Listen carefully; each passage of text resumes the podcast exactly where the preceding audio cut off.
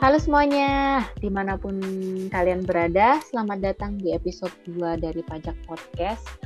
Um, untuk yang udah mendengarkan episode ke-1, kita tuh kemarin sempat diskusi ya soal kebijakan pajak di tengah pandemi COVID-19. Uh, uh, lebih spesifiknya lagi, kita kemarin bahas tentang PMK 44. Nah, per 16 Juli kemarin nih, PMK tersebut sebenarnya sudah dicabut dan diganti dengan PMK uh, 86 sehingga nanti teman-teman yang mungkin tertarik bisa merujuk ke situ kalau misalkan memang ada yang mau di uh, dilihat gitu ya. Nah serunya sebenarnya belajar pajak tuh di sini ya karena semua peraturan yang kita punya itu sangat dinamis.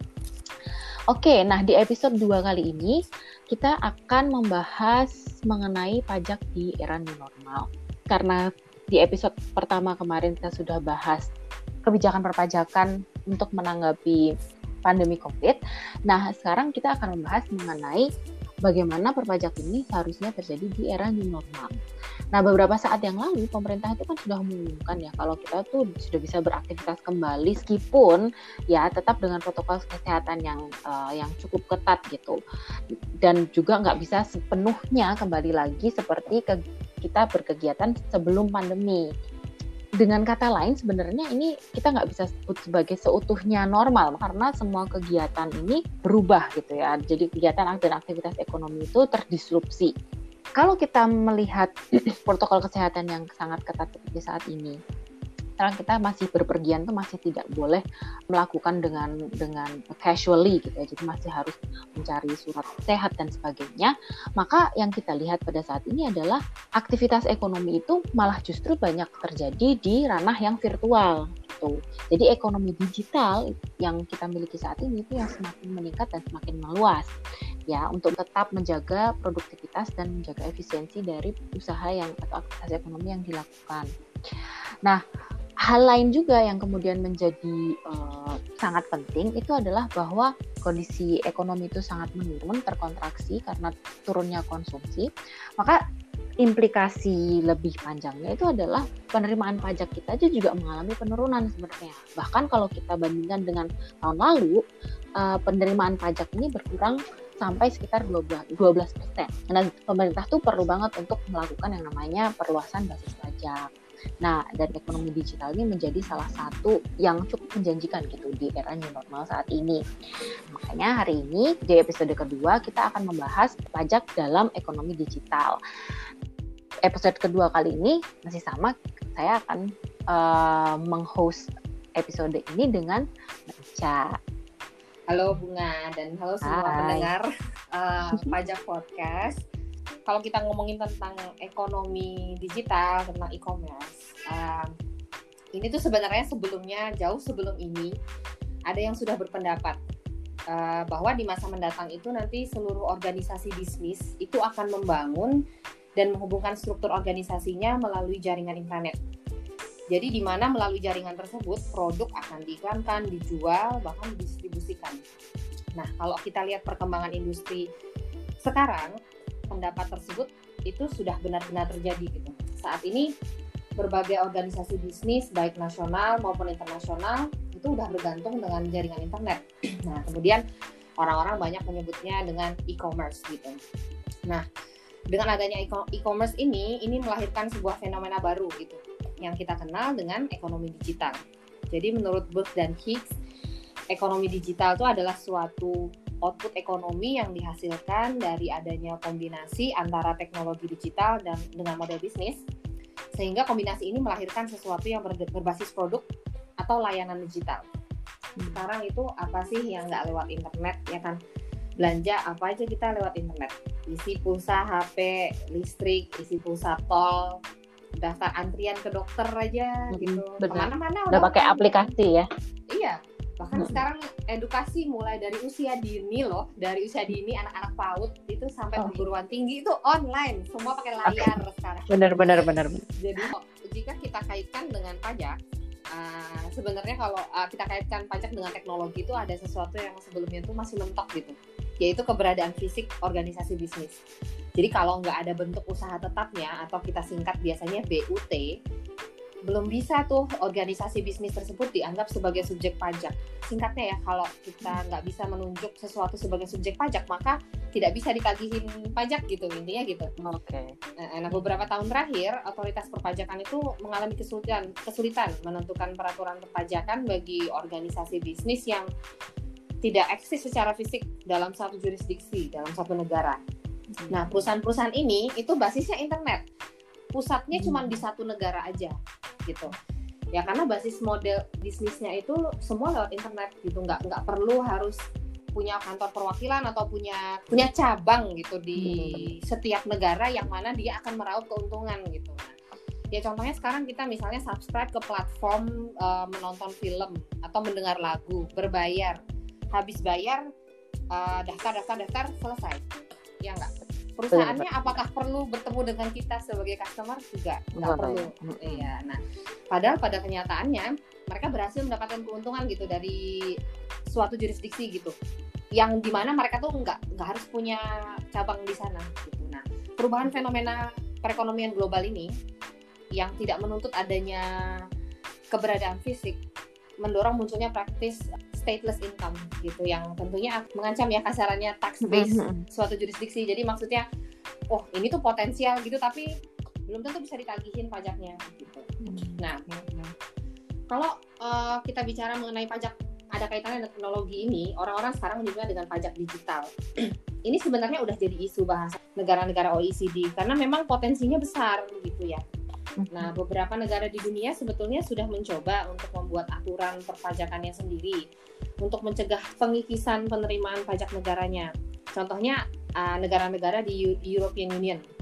Uh, menurut European Commission, jadi perusahaan digital multinasional yang akan dikenai pajak itu adalah organisasi bisnis usaha yang memberikan layanan secara online, tempat berjualan online, memberikan layanan pertukaran data informasi tarifnya beda-beda ya. Tentunya sesuai dengan jurisdiksi. Sama seperti eh, pajak-pajak yang lainnya itu setiap jurisdiksi itu berbeda walaupun jenisnya sama. PPH di Indonesia mungkin akan berbeda dengan PPH di Malaysia gitu. Akan tetapi European Union itu punya uh, penerapan batasan. Jadi ada batasannya kalau saya nggak salah itu sekitar 3 persen. Tarif ini akan dikenakan pada uh, organisasi bisnis yang memiliki total pendapatan global senilai 750 juta euro dan total pendapatan dari masyarakat European Union senilai 50 juta euro. Jadi penerapan jenis pajak ini diberlakukan sampai pada akhirnya OECD itu mencapai kesepakatan internasional terkait digital service tax. Sebenarnya sampai Maret 2020 ini beberapa negara anggota OECD di Eropa udah benar-benar menaruh perhatiannya gitu pada digital service tax ini. Jadi beberapa sudah implementasi seperti Austria, Prancis, Belgia itu udah udah udah mulai implementasi dan beberapa negara lain seperti Ceko, Spanyol itu mulai mempublikasikan rancangan undang-undangnya. Kalau kita ngomongin ini, uh, kenapa ini pajak digital ini juga pajak digital era new normal? Kemarin-kemarin saya sempat pajak era new normal ini new normal ini terjadi karena COVID gitu ya. Padahal sebetulnya ya. bukan karena COVID saja gitu. Justru oh, sebetulnya sebelumnya itu kita sudah mulai new normal yaitu dengan adanya transaksi digital. Gitu. Okay. Nah, karena transaksi digitalnya ini merebak, beberapa jurisdiksi mungkin bisa jadi resah ya, termasuk negara kita sendiri kalau menurut saya, karena uh, sebuah organisasi bisnis yang tempatnya tidak di tempat kita, tidak bisa ditunjuk sebagai subjek pajak, namun dia bisa mendapatkan revenue dan memperoleh keuntungan dari dari sebuah jurisdiksi gitu, dari tempat kita, termasuk Indonesia. Nah, hal ini tuh diperparah oleh kondisi ekonomi yang akhirnya terus melemah. Saat ini kita uh, ada virus COVID-19 gitu. Nah, sebelumnya sebelum ini di tahun 2019 itu sudah ada aturan pajak e-commerce saya lupa nomor PMK-nya berapa tapi kemudian dicabut gitu mm-hmm. jadi sebenarnya saat itu peraturan itu penegasan gitu bahwa yang bisnisnya online itu sama kok sama yang bisnisnya non online yang bisnisnya offline gitu sama-sama bayar pajak gitu Nah, oh ya itu PMK 35, Pak. Ah, PMK 35 ya, ya. Mm-hmm. Nah, waktu itu uh, tahun 2019 uh, eh, ramenya. Nah, namun baru-baru ini nih Kemenku itu sudah menyusun kembali aturan pajak PMSI. PMSI adalah singkatan dari perdagangan melalui sistem elektronik. Jadi ini tertuang pada Perpu nomor 1 tahun 2020 yang aktif berlaku pada tanggal 1 Juli tahun 2020 ini.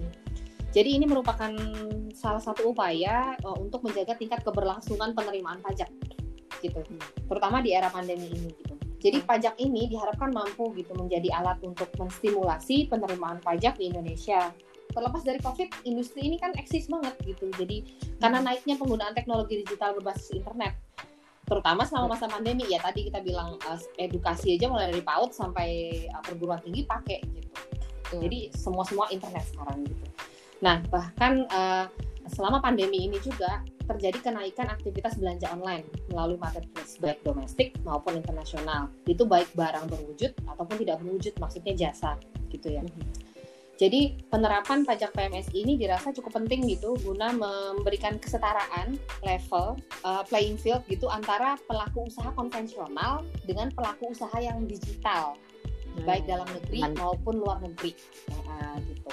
Jadi istilahnya ya uh, yang jualan kue, bolu, cake di ruko-ruko kan mereka adalah subjek pajak UMKM ya, yang ngasih pajak final PP 23 0,5 persen dari omset. Betul. Ya, uh -uh. demi equality dan fairness, demi kesetaraan dan keadilan yang model bisnisnya mampu meraup untung pada suatu tempat lewat internet tanpa harus punya kantor fisik, harusnya juga bayar pajak. Jadi istilahnya customer yang beli cake ada uh -uh. ada tokonya gitu sama dengan customer yang sama dia bayar uh, ke platform berbayar untuk menonton film atau apa mendengarkan lagu si platform itu, itu juga sama-sama harus, sama bayar, harus bayar pajak gitu hmm. ya kan hmm. hmm, gitu ya. Yeah, jadi yeah. kalau menurut kacamata saya pribadi konsepnya tuh sebetulnya hmm. meluas gitu gitu bukan sekedar hmm. bergeser dari physical presence atau keberadaan fisik menjadi keberadaan non fisik tapi tapi kemudian meluas hmm. menjadi adanya signifikan economic presence gitu. Jadi keberadaan itu tidak hanya dilihat fisiknya saja, tapi signifikansinya secara ekonomik. Perusahaan hmm. itu beneran ada nggak sih quote unquote tanda kutip? Oh ada karena hmm. dia mendapatkan revenue dan mendapatkan keuntungan dalam satu jurisdiksi sehingga bisa dikatakan bahwa perusahaan itu ada gitu. Jadi nggak hanya lihat oh, iya. fisiknya lagi gitu. Oh sebenarnya secara global tuh pajak digital itu sudah sangat dibutuhkan ya sebenarnya mm -hmm. ya. betul. Kita nggak cuma okay. di Indonesia gitu. Mm -hmm, ya, benar, benar banget. Karena sebenarnya pajak digital ini juga di Indonesia udah mulai dibicarakan tuh sejak 17 itu ada surat edaran tuh dari DJP hmm. tentang yang namanya penentuan bentuk usaha tetap oh, okay. untuk subjek pajak luar negeri. Nah itu di dalam uh, surat edaran itu hmm. sebenarnya di situ sudah disebutkan bahwa semua jenis perusahaan yang melakukan kegiatan over the top, over the top itu kan yang kayak yang menyediakan layanan dengan konten hmm. yang data gitu ya atau penyediaan informasi atau multimedia yang pakai jaringan internet itu itu bisa atau akan digolongkan sebagai bentuk usaha tetap. Hmm. Nah, sehingga perusahaan digital multinasional yang yang sedang yang beroperasi di Indonesia ini itu harusnya wajib bayar PPh badan. Betul. Nah, persoalannya cuman surat edaran ini itu yeah. jadi banyak celahnya gitu di situ uh, sehingga nggak banyak yang menaati itu dan banyak yang juga yang masih bisa berkelit gitu dari surat edaran tersebut gitu okay. itu di tahun 2017 tuh nah sedangkan di 2019 nah baru keluar yang tadi Mbak Ica sebut kan mengeluarkan PMK nomor 35 okay, okay.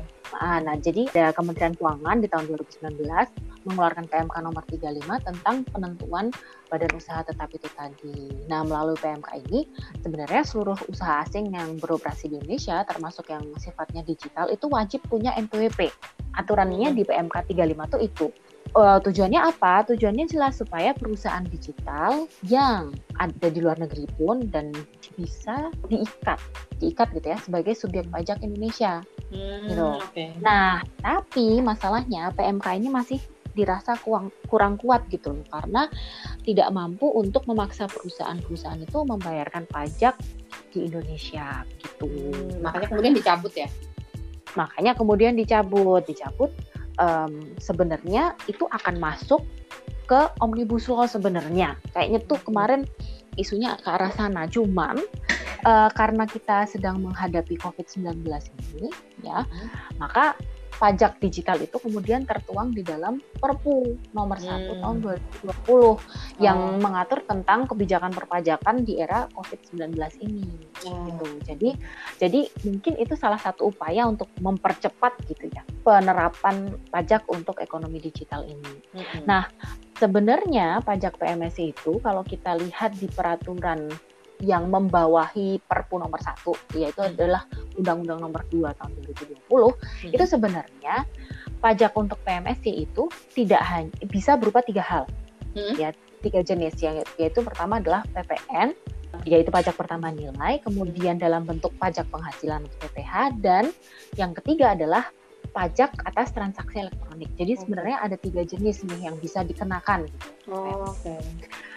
Karena dalam kondisi yang apa harus segera di, diimplementasikan gitu ya, akhirnya yang diimplementasikan pada saat ini itu adalah yang PPN-nya terlebih dahulu. Oh. Jadi yang pajak pertambahan nilainya yang terlebih dahulu uh, diterapkan gitu. Nah, hal-hal teknisnya mengenai bagaimana penerapan uh, PPN atau penarikan PPN itu uh, itu diatur di dalam PMK uh, 48 tahun 2020. Jadi yang yang kita punya saat ini itu baru parsial gitu ya uh, penerapan yeah. pajak digitalnya baru dalam bentuk PPN. Nah sebenarnya dengan cara untuk menarik PPN ini itu Indonesia tuh dalam posisi yang tidak merugikan negara mana pun gitu atau hmm. yurisdiksi hmm. mana pun gitu. Hmm. Dengan Indonesia menerapkan PPN ini sebenarnya quote on quote nggak terlalu memberatkan gitu ya karena yeah. yang kita tarik bukan dari penghasilannya tapi benar-benar hanya dari transaksi namanya transaksi digital. Iya, transaksi digitalnya. Betul, betul. Nah, itu yang penting di situ. Nah, PMS ini kemudian gimana sih uh, ketentuan-ketentuannya gitu. Yang pertama itu pelaku PMS itu pelakunya baik dari pedagang luar negeri, penyedia jasa luar negeri, hmm. uh, penyelenggara uh, apa ya namanya kegiatan online itu atau hmm. kegiatan elektronik itu dari luar negeri, dan juga yang dari dalam dalam negeri. Hmm. Gitu. Jadi nggak cuman uh, apa namanya PMSC dari luar negeri aja yang disasar gitu ya, tapi hmm. juga PMSC dari dalam negeri seperti kata Mbak tadi, yeah. semua tuh diperlakukan secara equal gitu kan. Yeah. Gitu. Nah, ini uh, nanti mereka akan ditunjuk untuk memungut, menyetorkan dan melaporkan melaporkan PPN-nya hmm. atas pemanfaatan barang kena pajak yang tidak berwujud ataupun juga jasa kena pajaknya gitu. Uh, ini secara uh, definisi saja sepertinya sudah bisa mencakup bisnis-bisnis digital itu tadi. Mm-hmm. Nah, sebenarnya pajak PMS ini instrumen yang cukup baru gitu ya. Bukan baru dalam arti PPN ini sesuatu yang baru kita belum pernah punya, bukan. Tapi ini adalah sebuah instrumen pajak yang menyasar perusahaan multinasional yang punya aliran income dari Indonesia. Ya, yang sebelumnya ini ya yang baru. Nah, uh, basis pengenaan pajaknya ini menggunakan uh, skema significant economic presence ditentukan dari tiga hal. Mm-hmm. Oke, okay. yang pertama adalah kita akan melihat omset konsolidasi dahulu. Mm-hmm. Omset konsolidasinya berapa, kemudian penjualan di Indonesia-nya itu mencapai berapa, mm-hmm. dan jumlah users atau traffic di aktivitas oh. uh, media digitalnya gitu. Hmm. Jadi kalau kayak gitu kan uh, significant economic presence-nya udah jelas ya. Yeah. Kalau ada user traffic-nya dan sudah memenuhi jumlah yang ditentukan oleh undang-undang atau dalam peraturan itu maka dia sudah disebut memiliki significant economic presence. Hmm, gitu. Oke. Okay. Nah ini yang kemudian menjadi kalau menurut saya ya ini sebuah breakthrough juga gitu bahwa hmm. economic presence itu tidak hanya dilihat dari bentuk fisiknya, tidak dilihat dari omsetnya aja, tidak dilihat dari penjualannya aja berapa yang ada di Indonesia, tapi kita lihat penggunanya itu berapa. Oke. Okay. Kalau penggunanya semakin besar kan berarti nggak mungkin kalau dia itu nggak punya penjualan yang sedikit atau punya penjualan yang sedikit. Pajak PMS ini ini akan jadi basis pajak yang cukup oke okay gitu ya karena kita melihat saja dari um, data dari Kemenku total transaksi digital itu sebenarnya sudah mencapai 104,4 triliun di Indonesia. Itu data ya? tahun 2017. Hmm. Oh, jadi cukup besar. Nah, tingginya transaksi itu itu sebenarnya dari um, transaksi dalam bentuk software mm-hmm. sama aplikasi. Yeah. Terus untuk software-software televisi dan berlangganan dan juga penerimaan dari medsos dan layanan uh, over the top lainnya. Mm. Gitu. Jadi sebenarnya text base itu itu cukup besar gitu dan itu yeah. belum dalam tanda kutip tergarap gitu ya kalau oh. Indonesia. Yeah. Nah, kalau melihat ya? Potensial banget, uh, uh, potensial sekali. Jadi untuk melihat rincian transaksi tersebut, maka bisa kita simpulkan bahwa pengenaan PPN ini bisa gede banget apalagi kalau misalkan ke depannya ini dalam new normal ini tadi hmm. uh, kita semakin gencar menggunakan digital platforms gitu ya. Oke. Okay. Nah, dengan semakin meningkatnya uh, penghasil penghasilan atau pendapatan dari pajak ini, ini sebenarnya bisa menjadi salah satu harapan gitu ya bahwa uh, pajak uh, ranah digital ini atau dari ekonomi digital ini bisa kemudian membantu Indonesia dalam hal menaikkan atau menjaga lah paling tidak pendapatan dari pajak yang sudah yang ada saat ini gitu. Yeah. Karena kita kata tahu ya Mbak ya di PMK 86 yang menggantikan mm -hmm. PMK 44 itu tentang yeah. tentang stimulus perpajakan yeah. itu kan uh, diperpanjang ya kalau nggak salah ya. Diperpanjang sampai diperpanjang, Desember. Uh -uh, yeah. Sehingga pada saat ini saja kita tuh sudah mengalami penurunan pendapatan pajak kalau misalkan diperpanjang sampai Desember tentu itu akan menjadi stimulus yang baik ya untuk kegiatan ekonomi kita. Tapi kita hmm. juga harus berpikir bahwa Indonesia berarti kan kehilangan nih pendapatan hmm. dari perpajakan gitu kan sampai Betul. Desember loh gitu. Nah kalau yeah. dengan ditetapkannya PMK 48 ini kemudian dari dari Perpu 1 ini juga hmm. pada tanggal 1 Juli kemarin ya harapannya itu bisa mengoffset lah ya sedikit Betul. gitu. Yeah.